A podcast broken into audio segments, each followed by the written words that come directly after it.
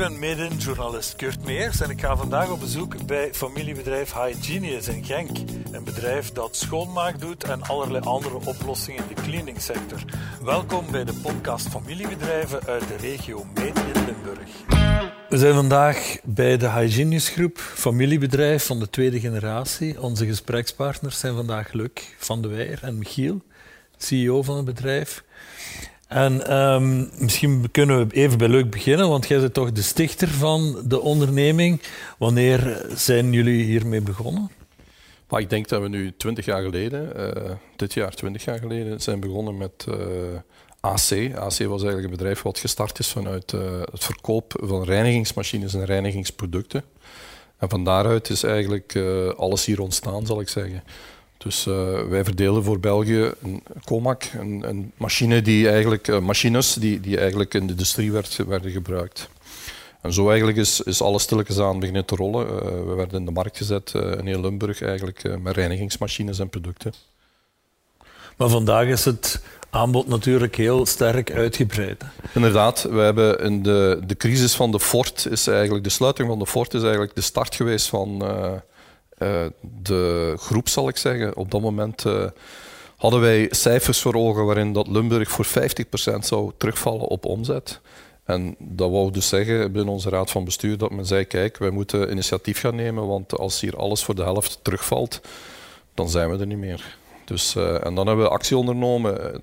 Toen we wisten dat de Fort ging sluiten, hebben we gezegd, kijk, we gaan niet inkrimpen, maar we gaan een nieuw bedrijf opstarten en we gaan de helft van onze mensen gaan wij proberen over te brengen naar ja, diensten. En dus we zijn eigenlijk toen QFS begonnen, in die periode van plaats in te krimpen, en zijn we eigenlijk beginnen uit te breiden. En hebben we eigenlijk uh, de overheid van AC laten dalen en zijn we eigenlijk gaan groeien in de diensten.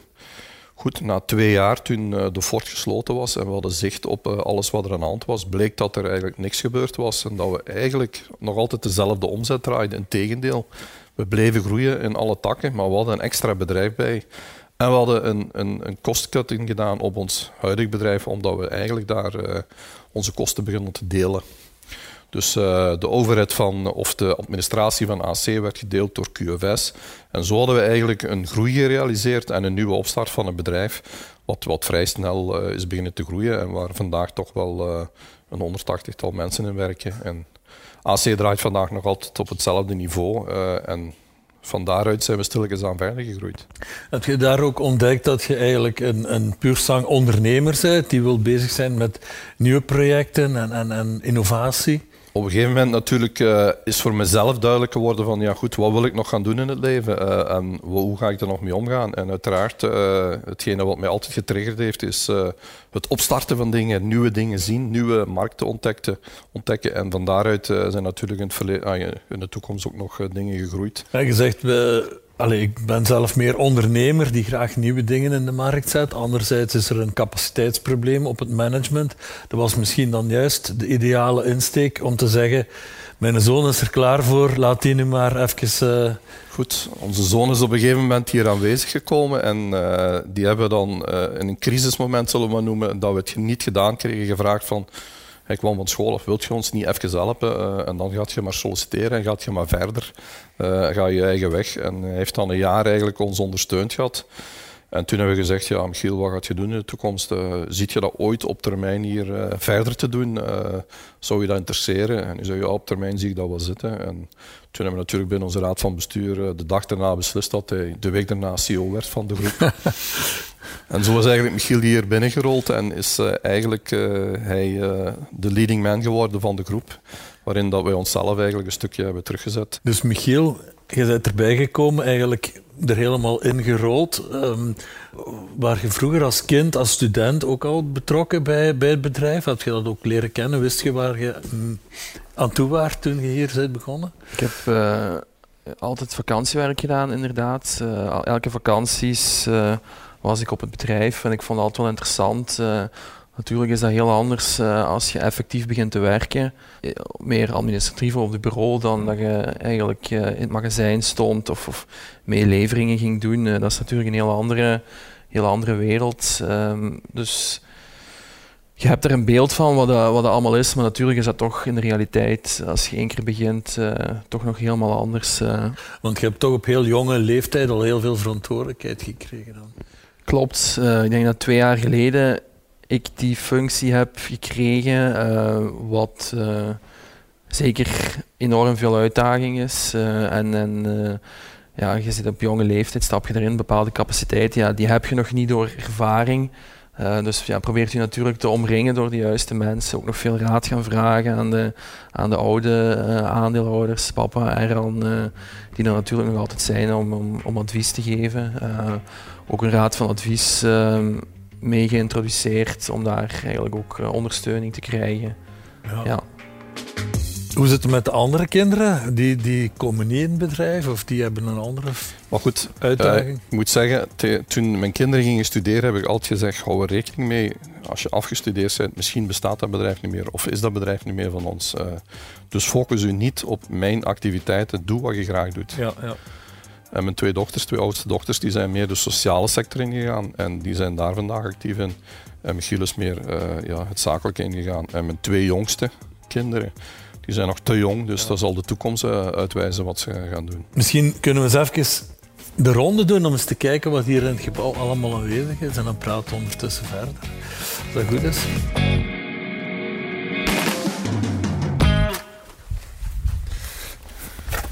Ja, goed, uh, we zijn twee jaar naar hier verhuisd, twee jaar geleden hier verhuisd. eerst zaten jullie in het andere gebouw hiernaast. Ja, hè? zitten we nog, hè? Ja, ja. Dus, maar dat uh, was uh, de enige vestiging vroeger ja, nog. Klopt, ja. We zijn vandaar zijn we naar de Slingerweg gegaan. En van de Slingerweg zijn we dan eigenlijk gegaan. We kunnen misschien naar hier naar links gaan. Zijn we naar uh, de Nieuwpoortlaan gegaan. En van de Nieuwpoortlaan hadden we toen te weinig kantoren. Hebben we dit gebouwd, hadden we 600 vierkante meter kantoren. Maar op een gegeven moment was dat ook weer te klein.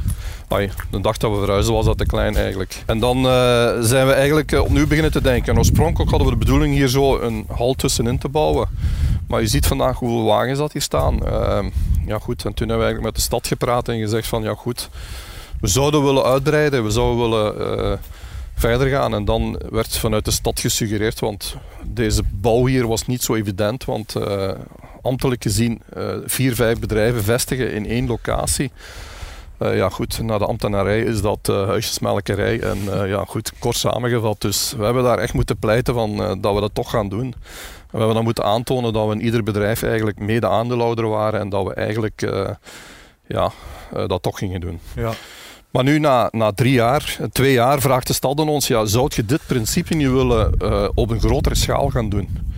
Dus wat toen een probleem was, was nu een opportuniteit voor de stad. Ze hebben dus eigenlijk ingezien dat dat toch wel een pluspunt was. Dus dit gaan we nu eigenlijk tien keer groter bouwen op de fort zitten. Ja. Dat is de opzet eigenlijk.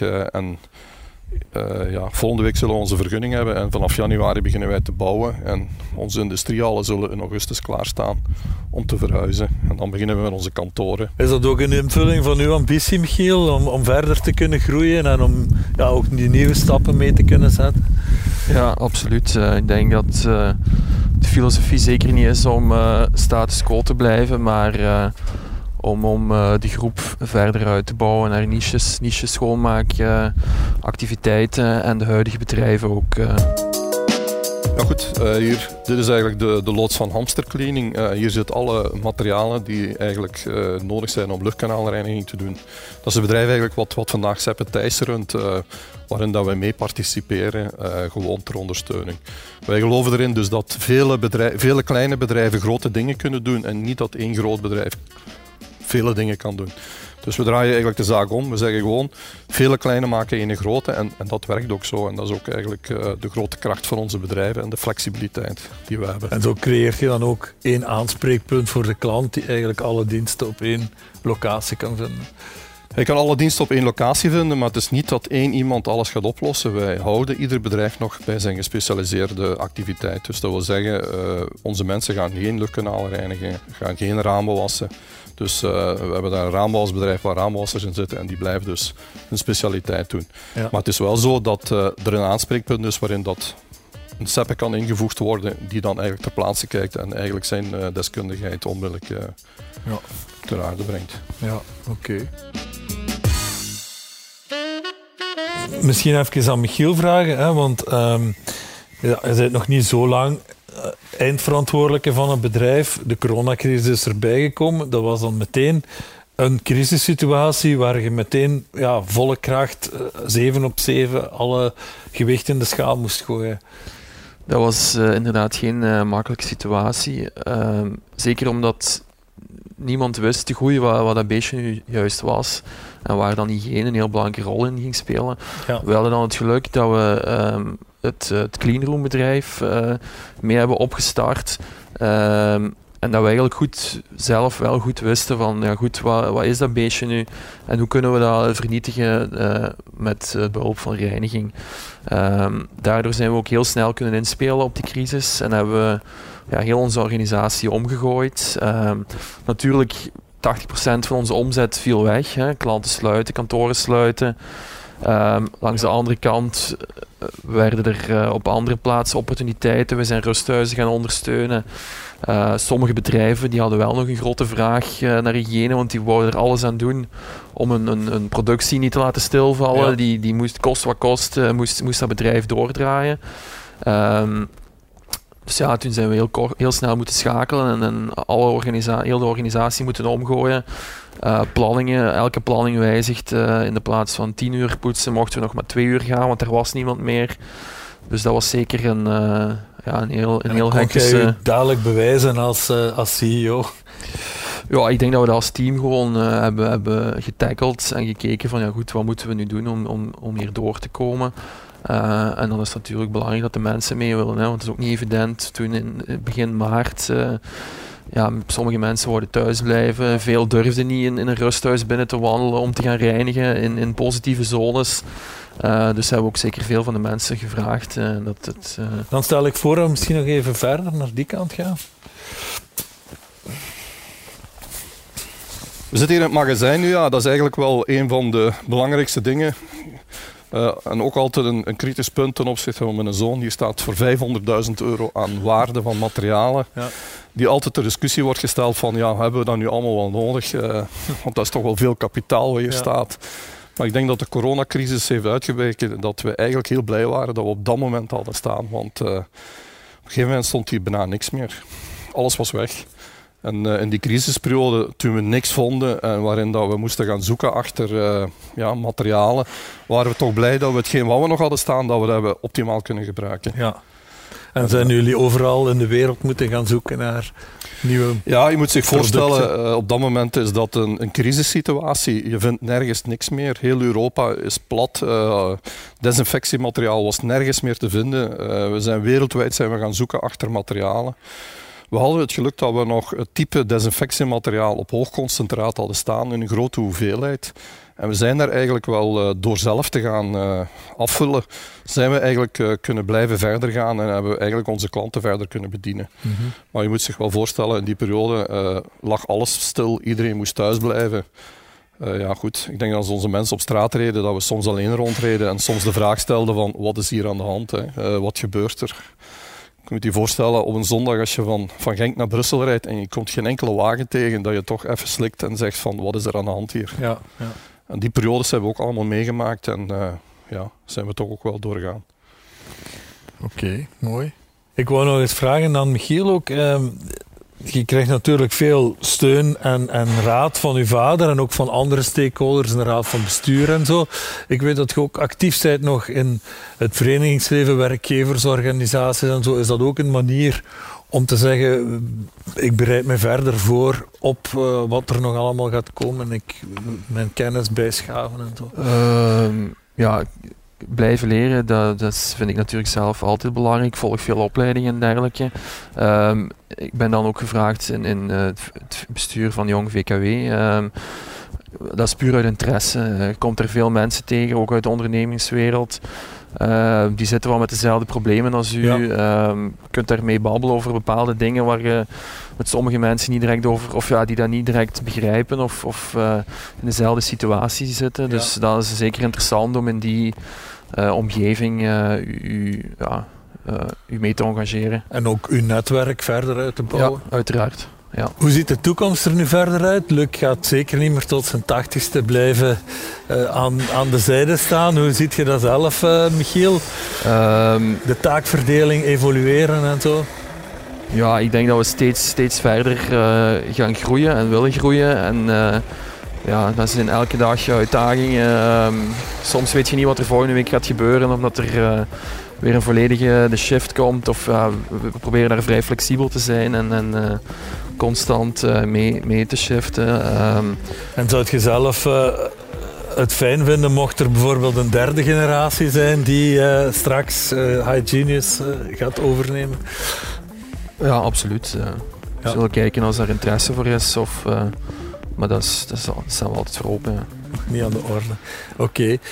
Dan wil ik jullie heel graag van harte bedanken voor de fijne babbel. En dan wens ik u heel veel succes in de toekomst met alle activiteiten die jullie nog gaan ondernemen.